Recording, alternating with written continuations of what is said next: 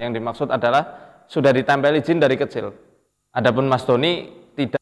Jadi kalau lihat temen cowok, cuma waktu dulu kan sekedar kayak suka gitu kan. Lah memulai memulai berpacaran tuh berarti waktu kelas 3 SMP. Dan Mas berlaku sebagai yang wanita atau yang laki-laki? Yang wanita kan saya berpakaian seperti wanita. Oh gitu ya. Nah, kalau homo itu dengan homo. Kalau waria itu tidak mau dengan homo. Waria gitu akan ya? cari laki-laki yang dia bisek. Sudah mulai ada ketertarikan sama wanita belum? Enggak ada. Sama sekali? Nggak ada.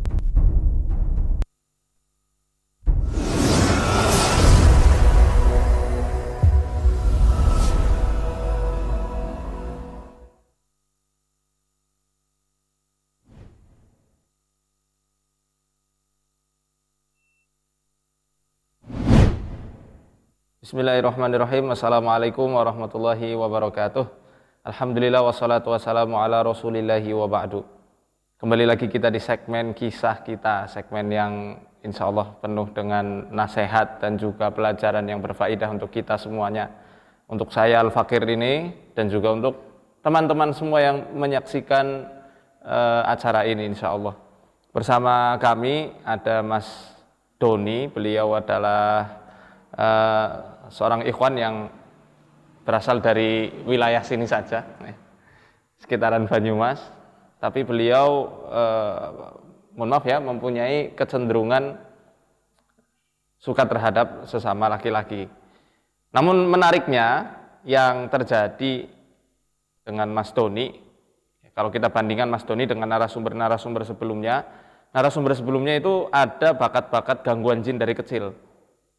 Bakat di sini yang saya maksud bukan bakat alamiah karunia dari Allah bukan, yang dimaksud adalah sudah ditempeli jin dari kecil.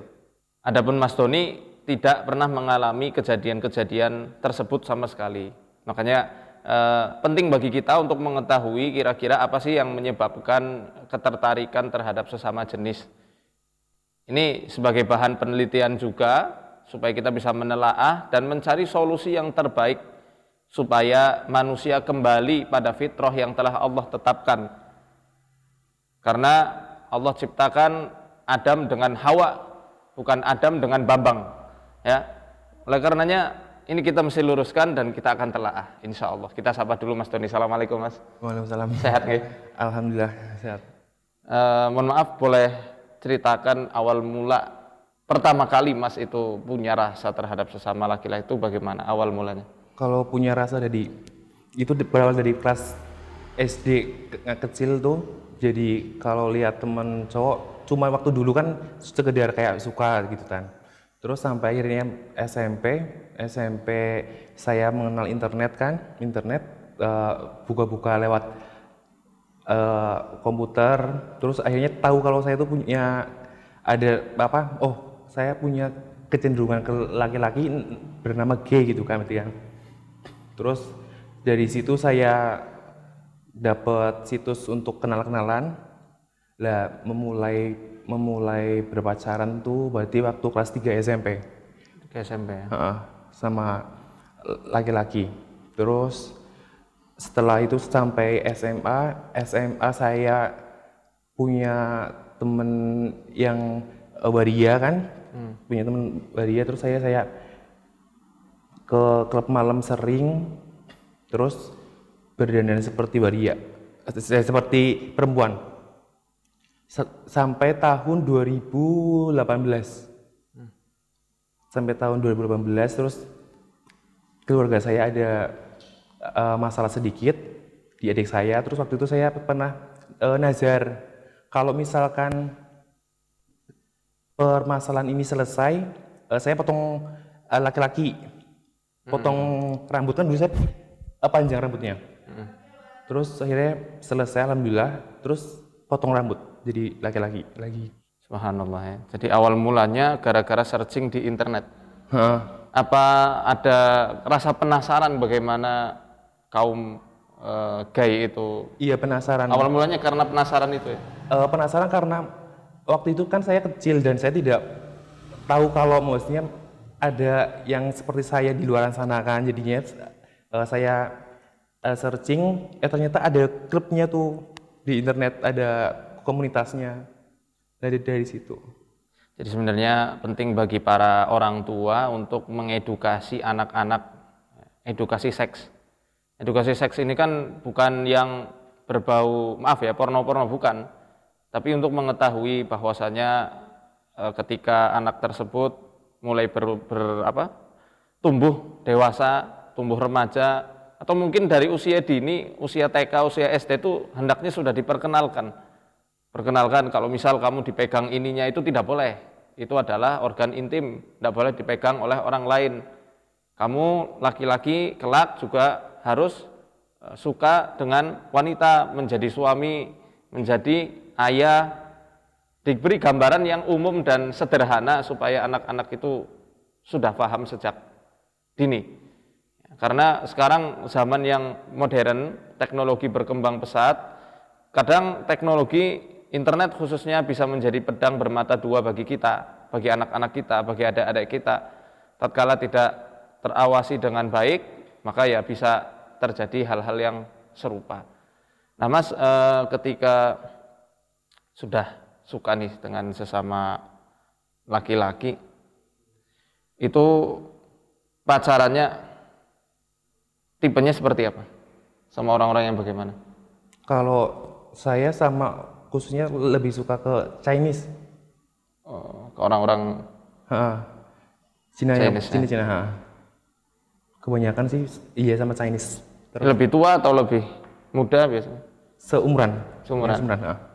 Dan Mas berlaku sebagai yang wanita atau yang laki-laki? Yang wanita kan saya berpakaian seperti wanita. Oh gitu ya. Jadi sebenarnya dari prinsip gay sendiri ada yang bertugas sebagai laki-laki dan wanita itu kan sebenarnya tidak bisa lepas dari fitrah manusia ya.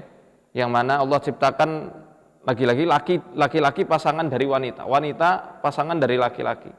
Walaupun dipoles bagaimana bentuknya lah ya, itu tidak akan pernah lepas dari hidayah atau perangkat naluri yang sudah Allah berikan di setiap kolbu, di setiap jiwa seorang manusia. Walaupun sukanya sama laki-laki nih, tapi pasti akan ada itu yang laki-laki bertugas sebagai laki-lakinya, dan ada yang laki-laki bertugas sebagai perempuan karena dandanannya seperti perempuan. Eh, tapi tetap maaf dipotong. Jadi itu kalau misalkan eh, saya kan waria, itu saya mencarinya laki-laki yang normal, maksudnya bukan laki-laki yang homo itu bukan. Oh gitu. Ha, kalau homo itu dengan homo. Kalau waria itu tidak mau dengan homo. Waria gitu akan ya? cari laki-laki yang dia bisek, Besek itu yang eh, apa? eh, dia tuh eh, suka sama perempuan sebenarnya. Tapi kadang kalau misalkan ada laki-laki yang karena ekonomi, karena duit, dia mau. Itu seperti itu. Tapi kalau suruh sama homo, oh malah nggak nggak mau. mau, nggak mau. Mm-mm. Berarti Waria maaf, bukan sama homo, beda ya antara homo dengan waria. beda. Beda. Bisa dijelasin mas? Kalau homo, ya ka- kalau kalau homo sama kalau homo itu yang bentuknya masih laki-laki, Sukanya? sama laki-laki yang homo juga itu. Jadi kalau berpacaran tuh homo sama homo. Tapi kalau misalkan waria itu pasti carinya laki-laki yang normal. Ini saya Yang udah punya nih. istri, yang yang misalkan laki-laki, ya pokoknya yang eh, normal. Eh, bukan laki-laki yang homo. Maaf, ada yang pernah mau sampai kepincut. Iya pasti ada banyak. Di luar sana banyak. Apalagi kalau misalkan eh, masalah uang. Walaupun sudah punya istri? Walaupun sudah punya istri. Maaf ini, eh, kan tadi bicara masalah uang ya. Iya. Eh, apakah mereka yang mau sama mas itu diberikan uang atau Iya, iya kalau misalkan yang laki-laki faktor ekonomi pasti eh yang waria yang ngasih dan yang laki-laki itu pasti mau. maaf mas, eh, berapa yang biasa mas kasih untuk Tergantung orangnya kalau misalkan kalau misalkan yang apa pas-pas yang di sini-sini gitu kan paling ke- kecil-kecil. Tapi kalau misalkan tergantung orangnya sih Mas kalau misalkan yang orang Jakarta atau apa gitu pernah sampai eh, jutaan pernah. Iya iya. iya. Dan itu hanya untuk teman kencan saja atau maaf sampai sampai zina? Zina. Sampai zina? Iya, zina. Lah untuk apa kita bayar orang terus nggak eh, zina? Pas awalnya gitu. Maaf ya ini mungkin pertanyaan saya terlalu awam. Oh, gitu ya. La haula. Saya kira memang gay itu sama dengan waria. Ya waria juga kan gay, cuma dia eh, apa namanya pasti mencarinya laki-laki Yang yang, maco. normal, ha, yang maco, yang bukan gay.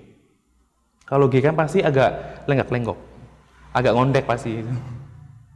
Dan waria kan nggak suka itu. Gak suka yang ngondek malah. Ya nggak suka. Waria sukanya laki-laki yang normal. Kalau eh, ini kan Mas yang konteksnya Mas yang membayar orang diajak ya. Iya.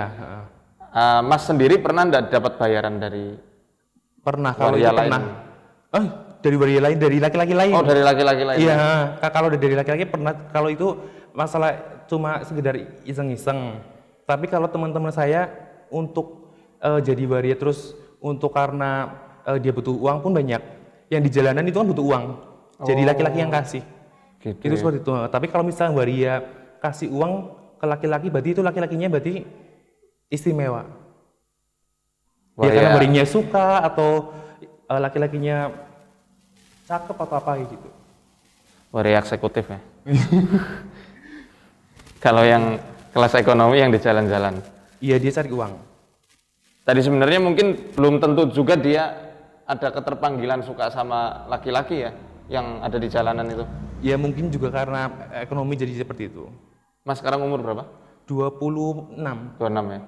Ada sudah mulai ada ketertarikan sama wanita belum? Enggak ada, Sama sekali? enggak ada. Apa motivasi Mas Doni untuk hijrah, bertobat kemudian berhijrah untuk menjadi laki-laki yang seutuhnya?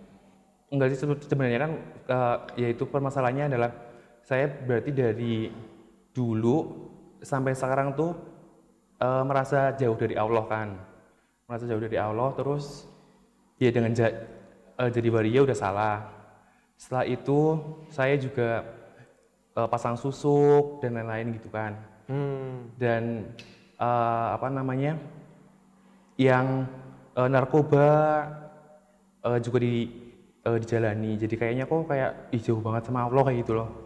Kepengen ya sesekali deket dan, dan maksudnya gini apakah yang orang seperti saya ini yang jauh dari Allah itu karena orangnya atau karena eh, eh, udah tertulis juga? Nah, jadi Allah berikan pilihan untuk setiap manusia itu dua jalan.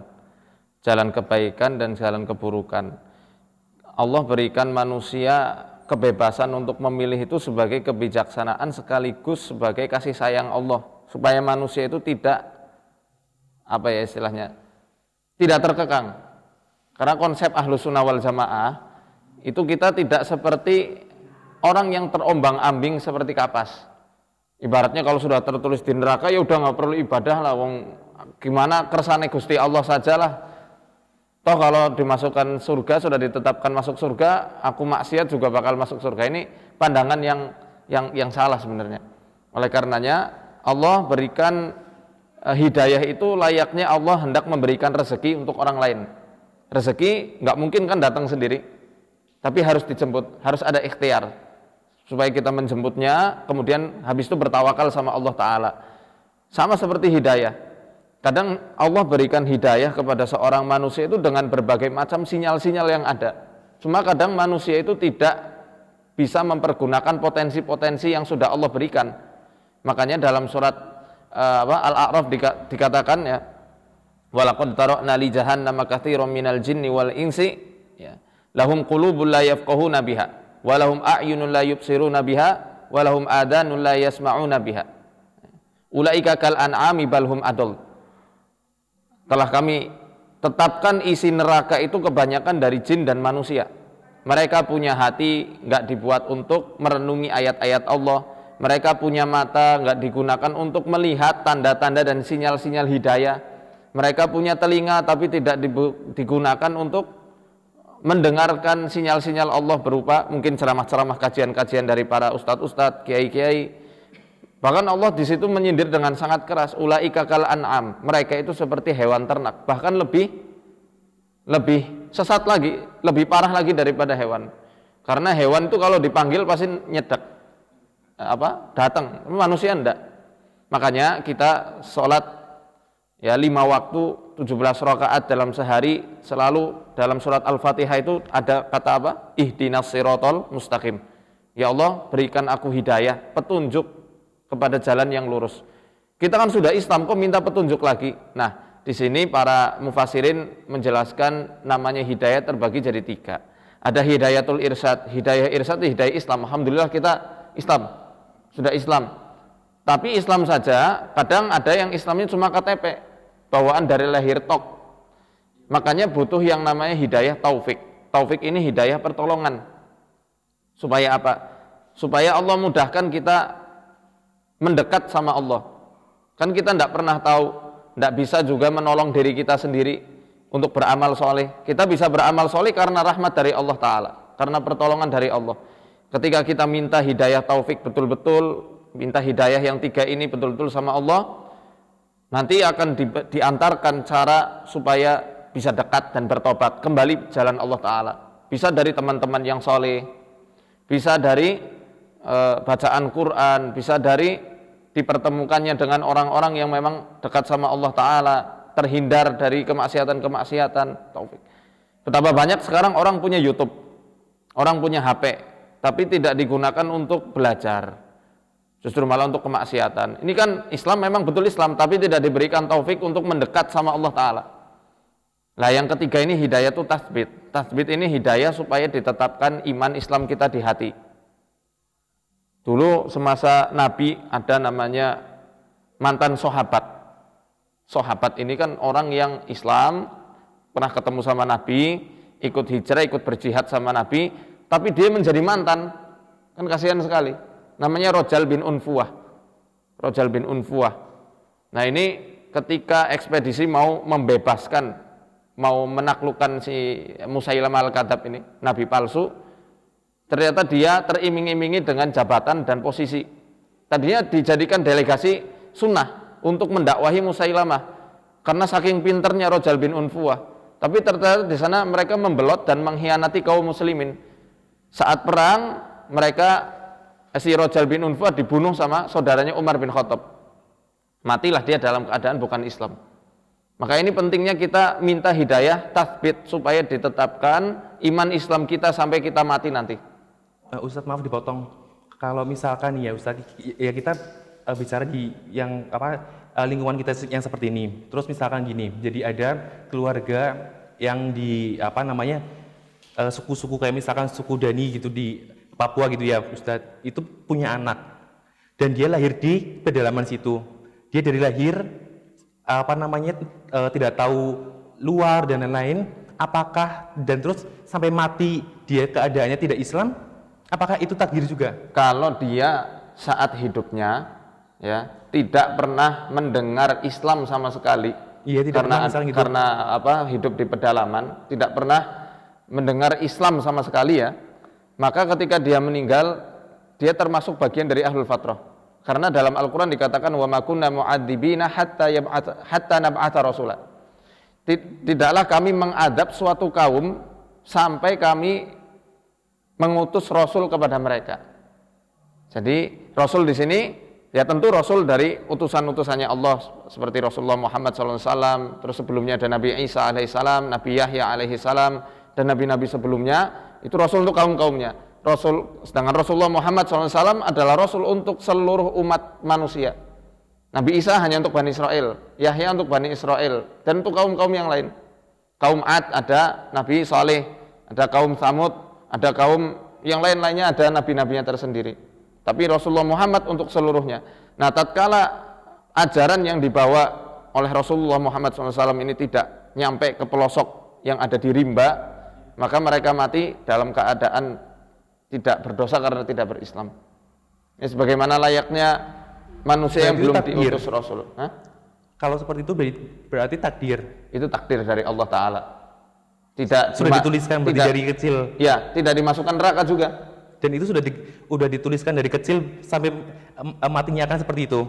Ya, sebelum dia lahir Allah sudah tulis. Jadi Allah mempunyai sifat kodim Sifat kodim itu sifat yang tidak berawal. Ada di zaman azali. Zaman azali itu zaman di mana belum ada apa-apa. Itu kita nggak akan nyampe otak kita untuk sampai ke sana. Dan Walaupun Allah ars waktu itu ars hingga sana Allah alam raya ini belum ada, Allah tetap disifatkan sebagai kholik, pencipta. Sebagaimana saya duduk misalnya, saya duduk di sini. Apakah karena saya duduk saya tidak disifati bisa berjalan? Saya kan belum berjalan nih, saya masih duduk. Saya bisa berjalan. Apakah sebelum saya berjalan saya tidak bisa berjalan? Ya enggak. Jadi Allah walaupun waktu itu semua alam raya ini belum ada, Allah tetap disebut Khalik. Tuhan yang maha menciptakan. Dan itu di zaman yang sebelum Allah ciptakan apa-apa. Tidak berawal. Jadi nggak bisa dikatakan sebagai Tuhan tatkala dia ada permulaannya. Makanya dalam surat Al-Ikhlas dikatakan lam yalid walam yulad.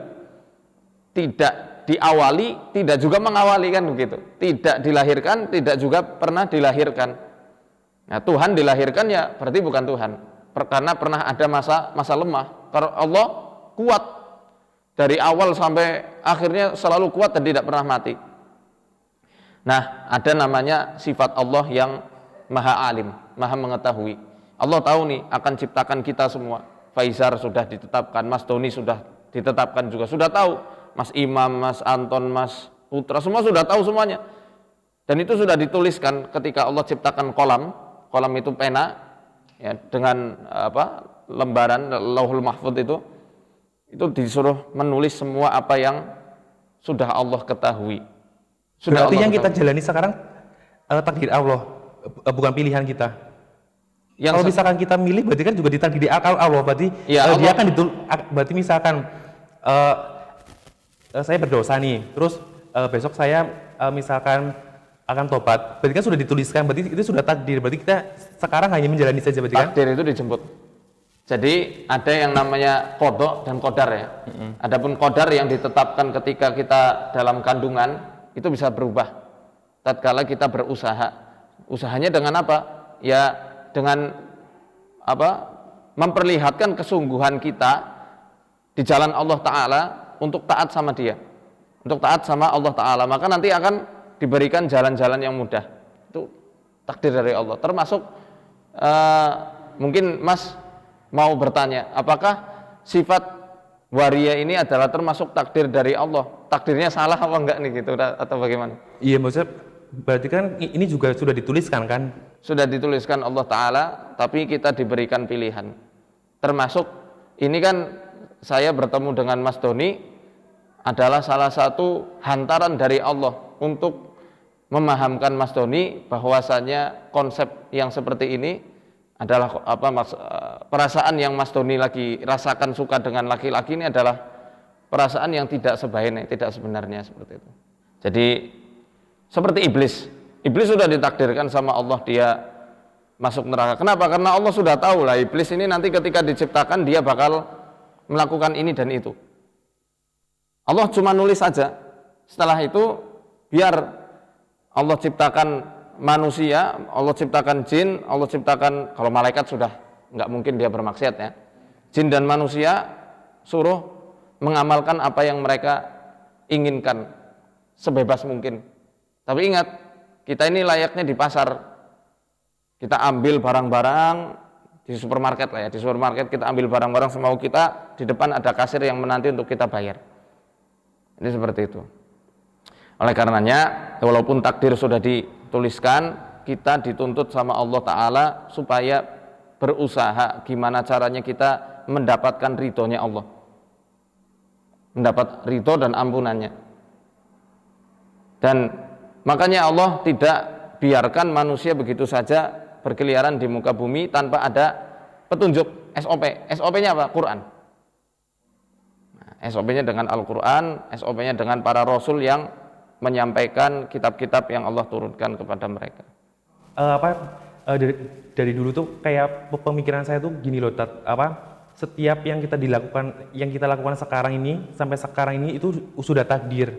Jadi kalaupun misalkan saya sekarang uh, berdosa terus tahu-tahu besoknya apa tobat atau apa ya, ya itu sudah dituliskan berarti ya berarti selama ini dosa dosa dosa saya juga sudah dituliskan berarti kan. Mm -hmm. Sudah, sudah diatur maksudnya, oh besok eh, Doni mau ke sini, mau ini itu ini itu berarti kan su- sudah ada di sana kan? Sudah ada semua. Tapi ingat tulisan itu kan apa istilahnya ya? Ketetapan dari Allah untuk melihat gimana nanti hamba-hambanya ke depan. Eh, hamba itu diberikan pilihan. Allah sudah tulis nih. Gini gini gini gini gini. Gimana? Allah punya sifat alim, punya sifat ilm. Allah punya sifat tahu yang apa yang akan terjadi di masa yang akan datang. Iya. Untuk seluruh makhluk, individu makhluk. Setelah Allah tuliskan itu semua, Allah berikan ini fasilitas-fasilitas yang ada, seabrak-abrak, brak. Dah silahkan nikmati apa yang kamu mau. Untuk ahli neraka misal yang sudah Allah berikan ketetapan mereka masuk neraka, nauzubillah ya, semoga kita tidak termasuk bagian dari itu. Itu diberikan fasilitas kesenangan duniawi yang nggak dimiliki oleh mungkin kaum-kaum yang beriman. Mereka punya banyak kekayaan, mereka punya banyak apa istri-istri yang cantik, anak-anak yang e, menyenangkan. Dan itu kata Nabi, orang yang nggak pernah sakit, orang yang punya kenikmatan banyak sekali di dunia adalah orang yang paling berat siksaannya kelak di hari kiamat. Kenapa? Allah adil dong. Kan sebelum kita diutus nih, eh sebelum kita di apa? dilahirkan ke muka bumi, kita sudah ditanya dulu sama Allah. Ruh kita ditanya dulu. Ini bisa ditemukan dalam Al-Qur'an surat Al-A'raf eh, di juz 9 ayat 107 3 kalau tidak salah ya. Wa id akhad wa id akhadha rabbuka min bani adama min zuhurihim dzurriyyatahum wa ashhadahum ala anfusihim alastu bi rabbikum. Qalu bala syahidana. Jadi ingatlah ketika Tuhan kalian mengusap punggungnya Adam, brek. Ya enggak gini ya. Nah, ini apa eh, saya gambarkan, tapi Allah enggak enggak ngusap seperti saya enggak. Nah, Allah ngusap punggungnya Adam alaihissalam, kemudian keluar seluruh anak cucunya. Kita semua akan ditanyai sama Allah, Alastu birabbikum, apakah kalian bersaksi bahwasanya aku adalah Tuhan kalian? Kita semua waktu itu berucap bala syahidana. Tentu ya Allah, kami bersaksi. Kita semua ketika mengucapkan itu konsekuensinya kita harus tunduk dengan syariat yang Allah telah tetapkan di dunia ini. Karena setiap anak yang dilahirkan dari rahim ibunya itu dalam keadaan fitrah suci. Ibaratnya seperti kertas yang putih bersih. Nah, saat dia tumbuh dewasa, dia terkontaminasi dengan berbagai macam hal-hal yang buruk dari luar. Entah itu teman, entah itu dari internet, entah itu dari jin, entah itu dari yang lainnya. Akhirnya terkotori. Maka tugas-tugas dari para ahli ilm adalah untuk menge- mengembalikan orang-orang yang tadinya dikotori dengan semacam itu untuk kembali lagi kepada jalan Allah yang lurus. Ya kalau misalkan itu kan tadi katanya eh, ditanya sama Allah kan dan akan tunduk kepada syariat-syariatnya kan. Terus ruh itu lahir dari rahim seorang ibu Kristen atau seorang ibu Hindu Buddha. Non-Muslim ya. Dan itu dibesarkan dari kecil apa? Ya Kristen, Hindu, Buddha itu ba- bagaimana? Salahkan orang tuanya atau gimana? Kalau misalnya seperti itu. Sekali lagi manusia diberikan bekal sama Allah untuk menjemput fasilitas hidayah menjemput hidayah-hidayahnya. Fasilitasnya berupa mata, hati, telinga, dan tidak mungkin di zaman sekarang Islam itu tidak tersebar luas, mudah di, diakses, nggak seperti zaman dulu. Dan manusia diberikan naluri untuk berpikir, mencari siapa Tuhannya. Pasti itu. Setiap manusia pasti pernah dia mencari jati dirinya, mencari Tuhannya. Ya manusia-manusia yang sadar saja sebenarnya. Nah, tatkala orang tersebut kok masih berkomitmen untuk menetapi kekufurannya pada Allah Ta'ala, ya secara adil Allah akan jebloskan mereka ke neraka. Nggak mungkin masuk surga. Karena satu-satunya agama yang Allah ridhoi hanya Islam. Apakah itu takdir? Ya jelas takdir. Takdir sekali lagi takdir yang Allah sudah tahu dan Allah sudah urusi itu. Karena dan manusianya sama Allah Hah? dan sudah dituliskan sama Allah bahwa kamu besoknya murtad itu sudah dituliskan sudah dituliskan semua. Dan Allah kan tahu, Allah lebih tahu orang yang dijemput bisa menjemput fasilitas hidayah, menjemput hidayah dan mana orang yang memang membatu hatinya. sehingga tidak mau melihat, mendengar dan memahami ayat-ayat Allah yang disampaikan oleh orang yang diberikan ilmu sama Allah. Iya kan dulu saya soalnya pernah Ada ganj masih ada ganjalan waktu enggak, eh, dulu waktu pas SMK itu eh, pernah itu juga pernah eh, apa eh, masuk Kristen kan. Ya itu karena apa namanya? Tahu-tahu aja kepengen masuk terus kayak yang pas waktu berdoa di gereja tuh pernah sampai nangis gitu-gitu aja sih. Dan itu belum pernah di- dirasakan pada waktu sholat atau itu belum pernah gitu loh. Itu seperti itu. Sekarang Muslim apa masih Kristen? sekarang dari, dari situ setelah itu kan saya ketahuan sama orang tua kan saya itu eh, udah nggak boleh lagi apa ke gereja kan terus eh, yaudah eh, muslim tapi yang jauh sama Allah gitu loh Tad Eh, yang kepingin deket coba pengen deket gitu loh Pengen dekat sama Allah tapi nggak Iya. tahu caranya. bukan nggak tahu tuh eh, dia tahu dengan sholat seperti itu kan cuma kok kayaknya eh, aku males banget orangnya terus eh, melakukan ya maksiat terus terus ya narkoba kayak gitu terus gitu loh Tat. Kepengin dirubah gitu loh. Insya Allah bisa dirubah saat Mas ada kemauan yang kuat. Nanti kita akan praktekkan betul bahwasanya Islam ini bukan hanya sekedar agama ritual, tapi agama yang betul-betul membimbing manusia kepada kemuliaan hidup di dunia dan di akhirat. Inilah yang masyarakat Indonesia masih terjebak pada konsep ritual saja. Seperti contohnya begini, orang mau kaya, pasti tanyanya amalannya apa ya ben kaya? Oh itu baca surat waqiah 100 kali. Nah ini kan ya mungkin ada hadis yang menunjukkan hal tersebut. Tapi ingat ya seharusnya konsep Al-Quran ini dijelaskan lebih gamblang oleh para orang-orang yang mengerti Al-Quran. Sehingga orang itu nggak hanya sekedar nyari amalan jadi Al-Quran hanya sekedar menjadi mantra saja. Kayak orang rukyah lah. Contohnya orang mau meminta kesehatan, kesembuhan. Bacaannya apa ya, tolong dirukyahkan disebul-sebul. Dengan harapan langsung sembuh seketika. Tidak. Al-Quran dengan jelas dan nyata menjelaskan kepada seluruh manusia bagaimana cara untuk sehat. Ada pada satu ayat ya. Wakulu wasrobu walatusrifu makanlah kamu minumlah kamu jangan berlebih-lebihan. Ini ayat yang menjelaskan prinsip kesehatan dalam Islam. Makanlah minum jangan berlebihan. Karena orang sakit rata-rata mereka makan dan minum berlebihan. Contohnya kelebihan makan yang manis-manisan makan yang unsurnya panas. Kalau berlebihan itu jadi tidak baik kelebihan makan lemak-lemakan bisa timbul kanker. Minum-minuman juga demikian. Ya, makanya ini Islam sebenarnya mengajarkan konsep keseimbangan, cara pengobatan, bukan hanya dengan dirukyah saja. Ya. Contoh lain yang lebih dahsyat bisa kita lihat ayat tentang uh, rukhsah, ke, uh, keringanan ketika orang yang sedang berhaji ihram kan dia nggak boleh cukur rambut. Tapi bagi orang yang punya sakit di kepalanya, dia boleh cukur rambut. Apa hikmah dari ayat ini? Menunjukkan bahwasanya setiap zat-zat yang merugikan bagi tubuh manusia itu harus dibuang.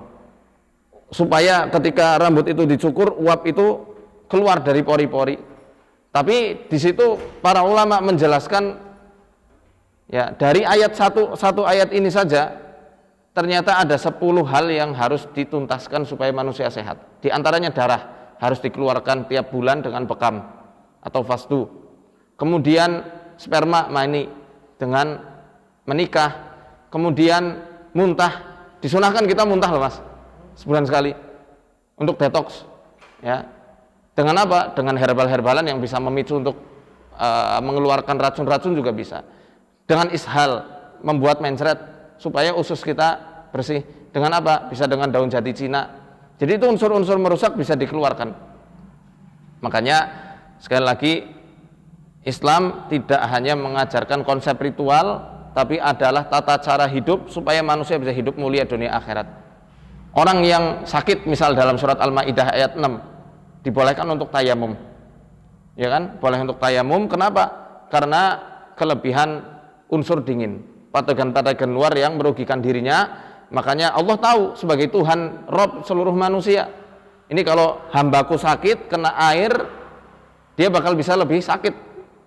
Makanya Allah turunkan Al-Quran surat Al-Ma'idah ayat 6 diberikan rukhsah keringanan boleh kamu bertayamum tay, apa e, bertoharo mensucikan diri dengan tayamum. Tayamum itu apa? Ya, dengan Bersuci debu. dengan debu. Ya, maha pemurahnya Allah Ta'ala itu. Nah, konsep yang semacam ini disebut sebagai hifdus sehah atau menjaga kesehatan berlaku untuk seluruh penyakit. Ya, dengan konsep wudhu, konsep haji, ya, dan lain sebagainya. Orang puasa misalnya, puasa Ramadan, wa antasumu khairul lakum in kuntum ta'lamun, itu disuruh malah. Hendaklah kalian berpuasa karena puasa itu baik bagi kalian kalau kamu kalian mengetahuinya Puasa Ramadan sewajib itu Allah berikan keringanan bagi orang yang sakit atau safar. Karena orang yang bersafar, berpergian jauh, dia butuh energi yang prima supaya tidak lemas di perjalanan. Maka Allah turunkan Al-Qur'an surat Al-Baqarah ayat 183 sampai 185 diberi keringanan boleh mengganti puasa Ramadan di hari-hari yang lainnya. Kalau soal tato tat maaf dipotong. Tidak apa-apa. Ya kalau soal tato gimana? Apa yang gimana? Kalau sudah ditato? Iya. Tidak apa-apa. Kalau kalau bisa dibuang ya dibuang. Kalau misal tidak bisa dibuang, tetap sah. Insya Allah toharohnya. Tetap sah. Tapi kalau kecil ya, misal cuma di tangan aja ya. Di sini ada oh, di, tiga kaki besar.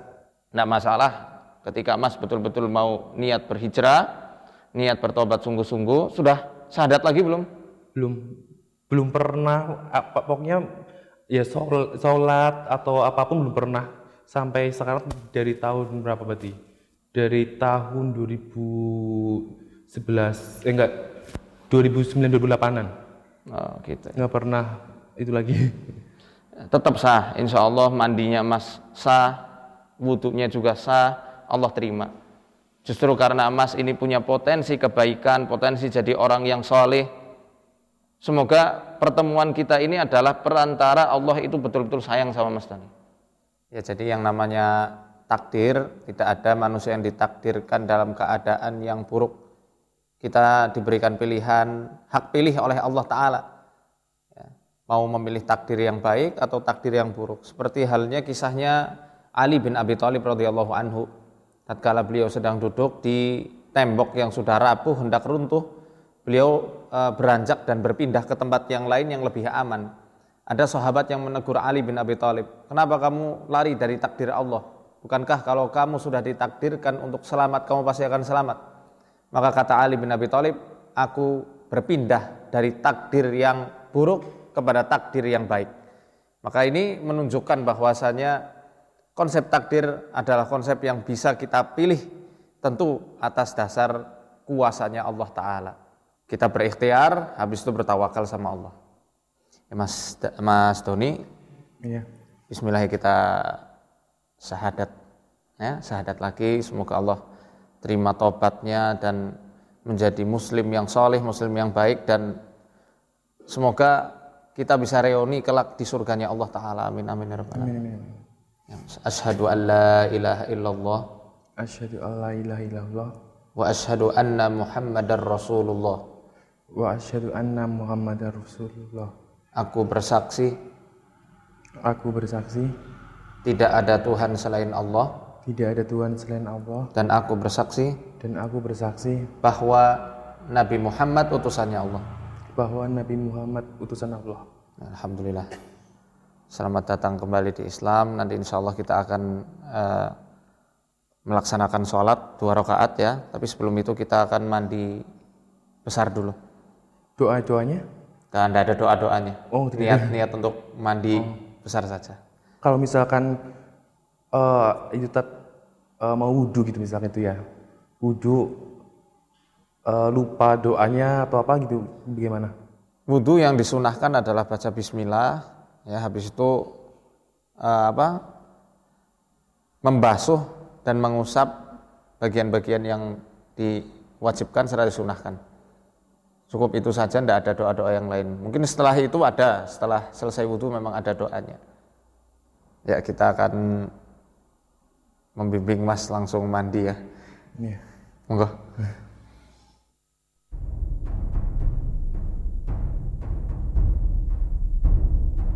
وكره إليه الكفر